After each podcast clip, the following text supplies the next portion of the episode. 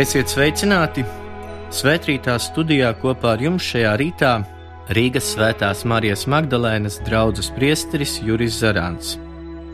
Uzklausīsim svēto rakstu vārdus no Svētā Lūkasa evaņģēlijā. Pēc Jēzus augšām celšanās divi viņa mācekļi saviem biedriem pastāstīja par to, kas bija noticis ceļā uz Emausu, un kā viņi pazina Jēzu pie maizes laušanas bet kamēr viņi par to runāja, Jēzus pats nostājās viņu vidū un tiem sacīja: Mieres jums! Bet viņi uztraukti un nobijušies domāja, ka redz garu. Tad viņš tiem sacīja: Kāpēc jūs uztraucaties un kāpēc šaubas ienāk jūsu sirdī? Apskatiet manas rokas un kājas, tas esmu es. Aptaustiet mani un pārliecinieties, ka garam nav miesas un kaulu, kā jūs to redzat man un to pateicis, viņš parādīja tiem rokas un kājas, bet, kad viņai sprieka vēl neticēja un brīnījās, viņš tiem teica: Vai jums šeit ir kas ēdams? Tie pasniedz viņam gabalu ceptas zivs, un viņš paņēma sēde viņu priekšā, un Jēzus tiem sacīja: Šeit ir tie vārdi, kurus es jums sacīju, kamēr vēl biju pie jums, ka noteikti jāpiepildās visam, kas ir rakstīts par mani Mūzus likumā, un praviešos un psalmos. Pēc tam viņš tiem apskaidroja prātu, lai viņi saprastu rakstus. Un viņš tiem teica: Tā ir rakstīts, ka Kristus cietīs un trešajā dienā augšām celsies no miroņiem, un ka viņa vārdā tiks sludināta atgriešanās no grēkiem, un grēku piedošana visām tautām, sākot ar Jeruzalemi, jūs esat tā liecinieki. Tie ir svēto rakstu vārdi.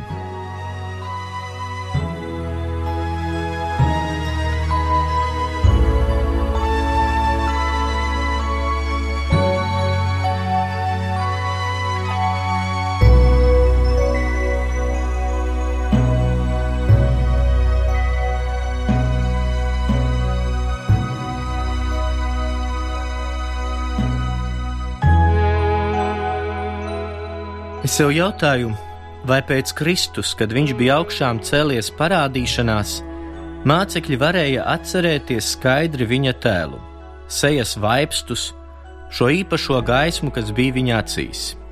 Un pieļauju, ka tas bija neiespējami, jo šī seja vairs nebija tā pati, kas iepriekš. Tur ir kaut kas jauns, noslēpumains, savāds. Tāpēc mācekļiem, kā to redzam svētajos rakstos, Ir grūtības atpazīt savu skolotāju, kad to satiek. Šoreiz viņi domā, ka redz spoku. It kā teiktu, tas ir viņš, vai nē, tas nav viņš.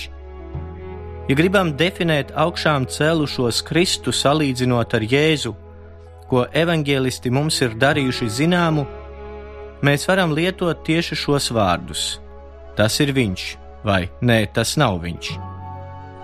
Tieši tas ir motīvs, kādēļ pēc augšām celšanās Kristus daudzas reizes parādās mācekļiem.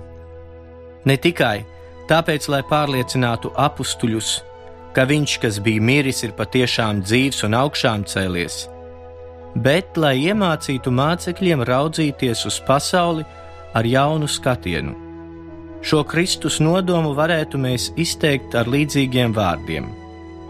Līdz šim Jūs mani redzējāt kā vienu no jums, pilnīgi ņemot dalību cilvēka stāvoklī. Tagad jums ir nepieciešamas jaunas acis. Esmu tas pats Jēzus, ko jūs pazināt, un tai pašā laikā neesmu tas pats, jo es esmu Kristus augšām celtais. Tas neatiecas tikai uz apstuļiem, bet arī uz mums. Mēs sakām, ka Jēzus ir mūsu vidū, Bet kāds ir Jēzus tēls mums? Šis Jēzus ir Jēzus, kuru pazīstam, par kuru mums šķiet, ka zinām visu. Pazīstam viņa žestus, vārdus, zinām, ko varam viņam jautāt, zinām, ko viņš mums var atbildēt. Tas ir Jēzus, ko mums patīk turēt sev tuvumā, jo neviens nav teicis tādus vārdus kā viņš, kas tik ļoti uzrunātu sirdi taču tas ir Jēzus pirms lieldienām, kuru mēs tik labi varam integrēt savā dzīvē, jo esam viņu padarījuši tik ērtu. kāpēc daudzi nāk uz dievnamiem. Jo domā te atrast nedaudz iekšēja miera, pēc kura ilgojas. Grib šeit paglāpties no visām rūpēm, problēmām, kas ir ārpusē, un kur nevar baudīt to mieru, pēc kura tiecas. Tāpēc baznīca kļūst par tādu kā patvēruma vietu, kur varētu aizmirst pasaules rūpes, konkurenci, naudas problēmas, korupciju, netaisnību, mūžīgo cīņu par varu savā starpā un tā tālāk. Baznīca rada iespaidu, ka ir vieta, kur ieradums ir kļuvis par teoloģisku tikumu. Mēs runājam par Jēzu, ko pazīstam, kā viegla miera aizstāvi, bet ir arī Kristus tas, kurš ir augšām cēlies, kuru mēs vēl nepazīstam un kuru vienmēr mums ir jāuzņem ar apbrīnu, pārsteigumu, sakot viņam: Stāsti par sevi, par šo noslēpumu, kas atspīd tavā vaigā, par šo jaunumu, ko tik nepacietīgi tava sirds grib mums pavēstīt. Augšām celtais Kristus, salīdzinot ar Jēzu, ir vienmēr kā atvērts jautājums, kas ir daudz plašāks par mūsu redzamajiem horizontiem, un kas mūs ved pretī neaptveramai brīvībai. Kristus mūs izrauj no mūsu ieraduma, īpaši attiecībās uz Dieva vārdu. Jēzus jautā, ko jūs lasījāt rakstos, ko jūs tur sapratāt? Mēs saprotam to, ko gribam saprast. Mēs bieži izmantojam svētos rakstus, lai aizstāvētu paši savas tēzes un idejas. Nevis kalpojam evaņģēlijam, bet evaņģēlijas kalpo mums. Jēzus mums atstāja kalna mācību, bet mēs esam radījuši kalnu ar mācībām, lai iztukšotu šīs vēsts radikālismu. Tāpēc Jēzus ir vienmēr klāt mūsu tikšanās reizēs, lai palīdzētu mums labāk izprast Dieva vārda dziļumu, lai atklātos apslēptā patiesība, lai varētu mēs saprast evaņģēlija paradoksu, kas nozīmē pazaudēt dzīvību, lai to atrastu. Jūs būsiet mani liecinieki. Liecinieki nevis ideju vai labu principu nesēji, bet tikšanās ar Kristu, tās pieredzes paudēji Jūs esiet manas klātbūtnes zīme pasaulē. Mana balss, mani vārdi, mana piedošana un manas ilgas dot cerību. Tas ir miers, ko kungs mums dāvā. Tas ir miers, zināt, ka viss ir uzticēts tēvam, kurš ir mīlestība. To mums nepārtraukti atkārto augšām cēlušais Kristus. Un ja tas viss ir tikai ilūzija, Es atceros to, ko teica reiz svētais Arsas prāvests. Ja no tā visa nav nekā, ja mani būtu piekrāpuši pacietību, es neraudāšu, tāpēc, ka esmu ticējis tēva mīlestībai. Un to varam atkārtot arī mēs, esot pārliecināti, tāpat kā bija pārliecināts Arsas prāvests, ka augšām celtais Kristus mūs nepiekrāpj, bet ir vienmēr mums blakus jo no cerības ubagotājiem esam kļuvuši par cerības lieciniekiem. Evangelijas īpaši vēsts par augšām celšanos, kad to pārlasām, nedaudz pārsteidz. Tik liela un svarīga ziņa. Kāds ir uzvarējis nāvi un vienmēr ir dzīvs, taču tik maz cilvēku tam ir liecinieki, tik nedaudziem ir dota iespēja redzēt augšām celto Kristu. Kāpēc? Tā ir dieva loģika, kas jau atklājas Bētlemē, kad viņš izvēlās piedzimt stallītī, pie krusta, tukšais kaps. Dievs sevi atklāja pazemīgi un pacietīgi. Viņam nepatīk izrādīšanās un teātris. Dievs rada notikumus, tos novieto vēstures gaitā, kā sēklu, ko iesēja zemē, un ļauj tiem nest augļus.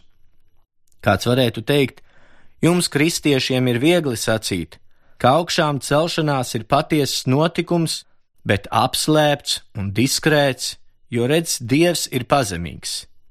Bet tā nav tiesa. Dieva pazemība, runājot cilvēciski, nemaz nav tik ērta mums. Tās pamats ir dieva cieņa attiecībā uz cilvēka brīvību, un vēlēšanās iesaistīt tik vienu no mums šajā lielajā darbā. Dievs mīl paslēpties, lai iesaistītu cilvēku. Dieva slēpšanās mums, ticīgajiem, ir ļoti nērta. Viņš mūs iesaista un uzliek pienākumu liecināt, un to skaidri dzirdējām šodienas evangēlijā. Tā ir rakstīts, ka Kristus cietīs un trešajā dienā augšām celsies no miroņiem, un ka viņa vārdā tiks sludināta atgriešanās no grēkiem un grēku piedošana visām tautām, sākot ar Jeruzalemi Jūs esat tā liecinieki. Jūs būsiet liecinieki. Bet kas tad ir tā liecība? Ar savu dzīvi atklāt noslēpumu, kas ir neredzams to acīm, kuri netic. Tā ir mūsu sūtība, un tas ir arī mūsu dvēseles nemieris. Kā mēs varam liecināt par Kristus augšām celšanos? Nīče mums visiem ir metis izaicinājumu, sakot šos vārdus Ja Kristus ir augšām cēlies, kāpēc jūs esat tik bēdīgi un noskumuši? Jūs neizskatāties pēc ticīgiem cilvēkiem. Cik patiess ir šis viņa pārmetums? Kā tad, lai mēs iemantojam pestīta cilvēka izskatu un īpaši dvēseli? Padomāsim labi, lai izbaudītu cerību, reizēm ir jāpiedzīvo bezcerība un izmisums. Lai novērtētu ūdeni, ir jāpiedzīvo slāpes, lai novērtētu veselību, ir jāpiedzīvo slimība, lai saprastu Kristus augšām celšanos, ir jāsajūt sevī nedaudz nāves smarža. Dostojevskis savā darbā brāļi Karamazovi raksta: Paradīze sākas tajā brīdī, kad ir drosme atzīt savu grēku. Tas pats Dostojevskis dialogā par pēdējo tiesu uz Kristus lūpām liek šos vārdus. Pēdējie būs pirmie dieva valstībā, jo neviens no viņiem nekad neticēja, ka ir šīs dāvanas cienīgi. Pazemība. Pazemība ir mūsu patiesība, un patiesībā mēs atrodam dievu un lielāko dieva dāvanu, kas ir Kristus augšām cēlies. Pazemība ir mūsu pirmā liecība. Tā mums palīdz palikt maziem, un tā mēs neaizsedzam Kristu ar mūsu lepnību. Pazemība rada brāliskumu. Pirmie kristieši pārsteidza pasauli ar savu savstarpējo mīlestību. Trešajā gadsimtā Tertuliāns savā darbā apoloģētika rakstīja, ka pagāni uzlūkojot kristiešus iesaucās: Skatieties, kā viņi mīl! Svētais pāvests Jānis 23. aicina Tas ir aicinājums man un visiem, kas mani dzird, nometīsim zem kājām mūsu lepnību un būsim brīvi un mierīgi. Būsim radības, kas dzīvo un liecina par Kristu, kurš ir augšām cēlies.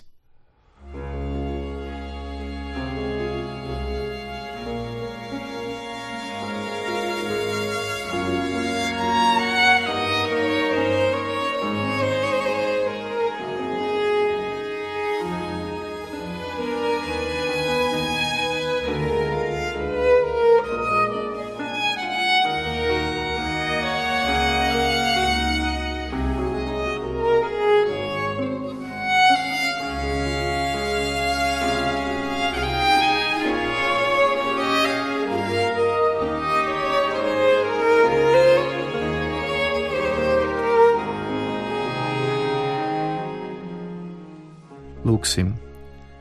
Kungs, tu vienmēr esi liels, tomēr mani aizkustina tas, ka tu piekrīti mums sekot, ka tu nāc mūs meklēt mūsu ikdienas gaitās.